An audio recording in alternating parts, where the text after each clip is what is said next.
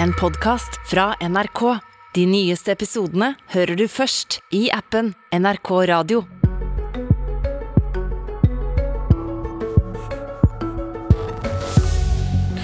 Betyr det egentlig noe hvem som er sjef for Norges Bank? Den som nå og da annonserer at renta går opp eller ned, og legger ansiktet i alvorlige folder og advarer folk og bedrifter mot økonomiske farer. Ja, sier han som har skrevet bok om norske sentralbanksjefer.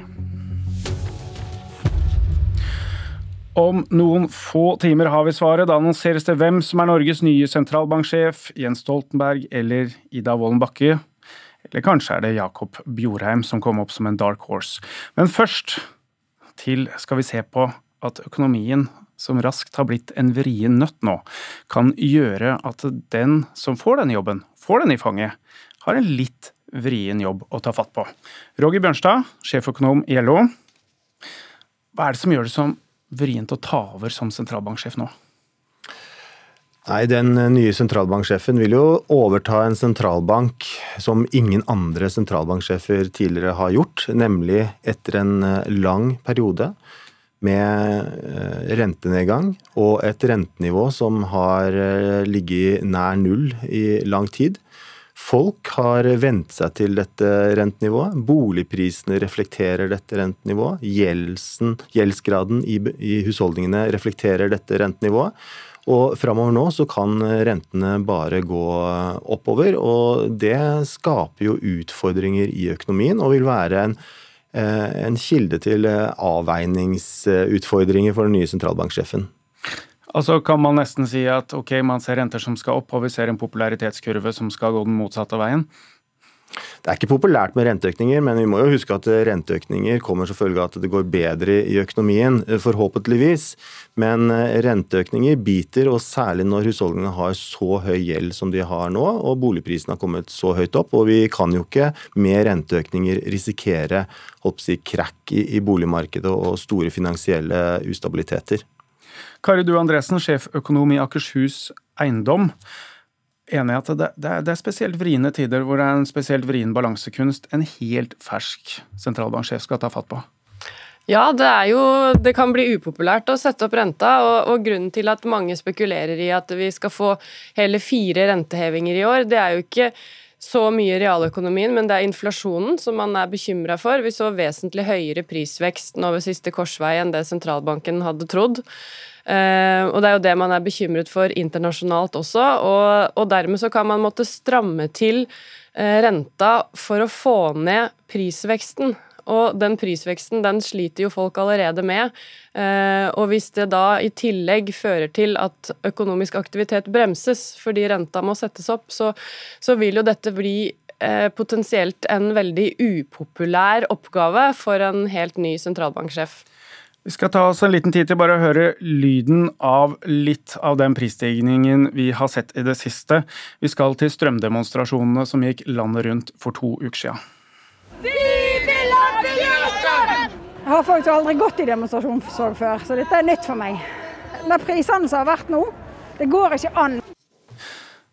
Altså, Andresen, når du, når du ser, hører det engasjementet, og vi vet at eh, prisen for det er kanskje da, hvis man har tre millioner i gjeld, ett prosentpoeng som du annonserer da kanskje skal oppnå, så vil det bety kanskje 3 24 000 ekstra for en familie det neste året. Hvordan blir det tatt imot? Ja, nei, Det er helt enormt hvor mye disse strømprisene har gått opp. Og de regningene folk får i postkassene for tida, de er jo eh, helt ekstreme. Og at mange sliter med det, det, det regner jeg med at de gjør. Eh, og så skal man da i tillegg ha fire rentehevinger fordi sentralbanken er eh, redd for inflasjon, og kanskje med rette, så, så tror jeg det kan bli en krevende øvelse eh, framover.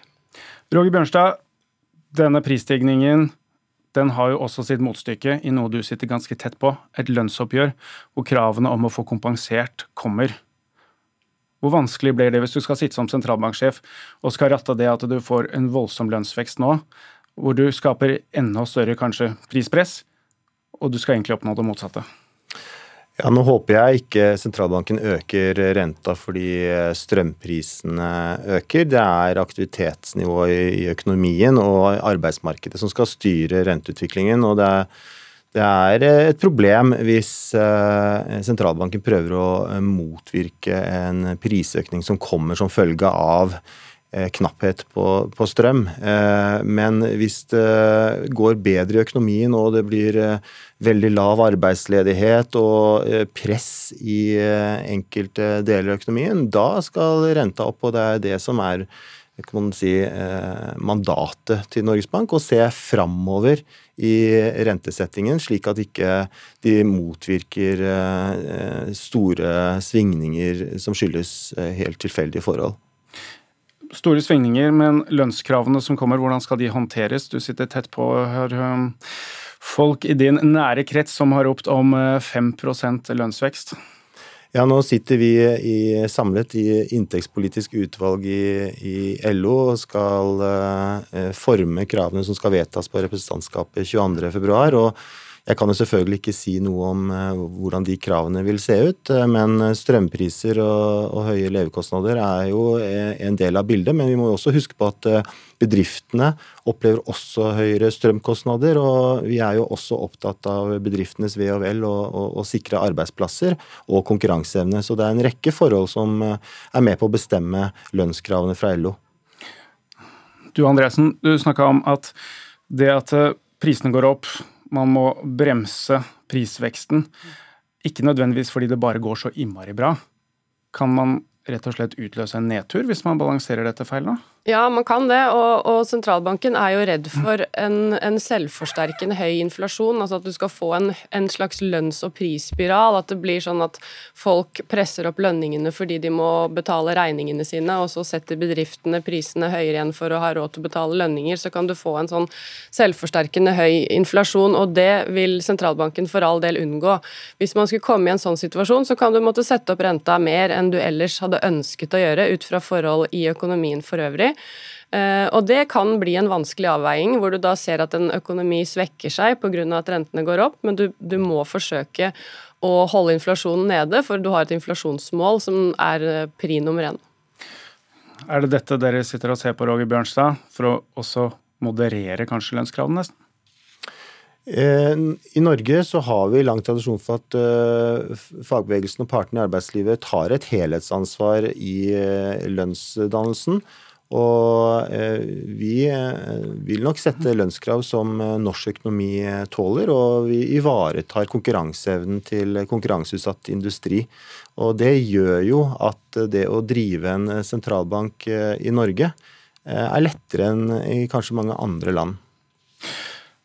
Så når vi snakker om sentralbanksjefens uh, rolle, så er det er den ene delen av jobben. Dette er vanskelig. Men i tillegg så skal han sitte på toppen av et oljefond, og der så vi i går at nå har de allerede begynt å krangle om hvordan handlingsregelen for dette fondet skal være. Den oppgaven nå med at uh, Kari Du Andresen, at vi skal se på handlingsregelen enda en gang, hva viser det om hvor sårbar norsk økonomi er, og den rollen sentralbanksjefen skal ha for å treffe riktig der også? Ja, vi ser jo hvor mye dette oljefondet utgjør eh, av um, de pengene som brukes over statsbudsjettet hvert år. Eh, og det har jo vært satt fokus på tidligere hvor sårbart det egentlig blir, fordi disse pengene er investert i markedene, og det kan potensielt falle mye. Og da kan man måtte bruke mindre penger, og det er vanskelig. Det er også sånn at med den nye, den nye 3 %-regelen så har jo da hvor mye du kan øke hvert år, blitt mindre i forhold til det det var før. Så jeg har egentlig lenge ventet at det ville komme en ny debatt rundt hvordan handlingsregelen er satt opp. Så jeg er ikke så overraska egentlig over at dette er oppe til diskusjon igjen. Det er opp til diskusjon, og så har det vært mye diskusjon om kandidatene. Helt til slutt, kort, har det noe stort å si, mener dere, hvem som i dag utnevnes? Roger Bjørnstad? Ja, det kan jo ha noe å si, men eh, å si det på forhånd, det er veldig vanskelig. Eh, det er to eh, kandidater som er kvalifiserte. Du, Andresen? Ja, jeg mener dette er et luksusproblem. Vi har to veldig godt kvalifiserte personer. De har ulike kvaliteter, men uansett hvem det blir, så tror jeg de vil gjøre en veldig god jobb. Takk til Roger Bjørnstad, takk til Kari Dua Andresen. Og så skal vi snakke mer om hva det betyr faktisk. Og hvem som blir sjef for Norges Bank. Og en som mener det betyr veldig mye, faktisk. Eivind Thomassen, forsker ved Universitetet i Oslo, og en av forfatterne som har skrevet Norges Banks historie. Hvor, hvor mektig er egentlig denne rollen? Ja, som vi hørte litt på de som snakka før oss her, så er det, det, det snakkes om boliglån, rente på på boliglån, det snakkes om inflasjon, kjøpekraft. Det snakkes om eh, Eller det ble kanskje ikke snakka så mye om valutakursen, men valutakursen ligger også her med ringvirkninger for næringsliv og for, for oss alle. Eh, og så har du selvfølgelig finanssektoren med ekstremt viktig for, for næringslivet. Alt dette her påvirkes av sentralbanksjefens beslutninger. Eh, og Hvor fritt står en sentralbanksjef til å forme den rollen selv og utøve sitt skjønn? Ja, det nettopp fordi det har betydd så mye, og det har en sett også historisk, har skapt mye eh, debatt og konflikt med ujevne mellomrom, så har, så har man også gjennom, eh, gjennom rammebetingelsene forsøkt å nettopp redusere det rommet for skjønn.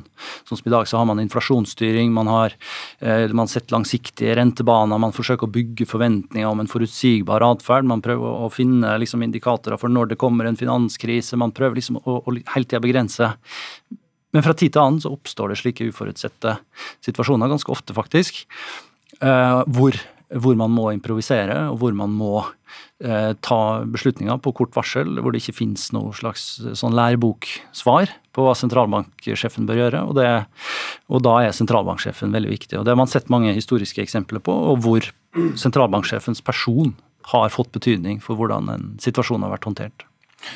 Har du noen eksempel som du snakker om her, som du kan eh, trekke fram? Ja, Der er det mange å ta av. Uh, mest relevant i, eller eh, fra litt nyere tid har vi jo Svein Gjedrem som er en interessant sentralbanksjef, som på mange måter har forma både den sentralbanken og den sentralbanksjefrollen som vi, som vi har i, i, i, dag, og som ble stilt overfor flere slike situasjoner, både i pengepolitikken, men også en kanskje særlig eh, eh, hva skal man si, interessant finanskrisa 2008, høsten, hvor man måtte håndtere en akutt potensiell likviditetskrise i finanssektoren. Og en som da tenker selv, utfordrer på en måte de rammene man egentlig er underlagt? Ja, eh, Svein Gjedrem hadde den evnen til å improvisere bl.a. i det tilfellet, hvor han gjennom personlig initiativ bidro sterkt til å forme og fremme de, eh, de tiltakene som ble, ble innført, og, og, tiltak som, som virka og som bidro til at eh, man unngikk det i Norge som man fikk i enkelte andre land med, en, med en, eh, den type finanskrise. Der ser du Svein Gjedrems person, faglig integritet, men også autoritet. Tidligere Finansrådet, Finansdepartementet hadde liksom, kjente embetsverket, hvordan det fungerte, kjente det politiske omlandet en person som, som visste å, å, måte å, å navigere i det, i, det, i det, terrenget. Da blir det spennende å se hvilken personlighet som åpenbarer seg Eivind Thomassen, når det annonseres hvem som blir sjef for Norges Bank, og hvordan den utvikler seg. Tusen takk for at du kunne komme hit. Jeg venner meg til Magnus Takvam, politisk kommentator. Eh, dette er jo ikke ukontroversielt uansett hvordan det lander, kanskje, men flertallet på Stortinget har uttrykt seg kritisk til Jens Stoltenberg. Eh, hvor vanskelig gjør det beslutningen for finansminister Trygve Slagsvold Vedum? Det er klart det presset som har oppstått eh, via opposisjonens uttalelser, og også det medietrykket som var tidlig i januar, skapte jo en, eh, en veldig skal vi si, betent og opphetet debatt om dette. Jeg har lagt merke til at den nå har roet seg mer ned jo nærmere beslut, selve beslutningen kommer.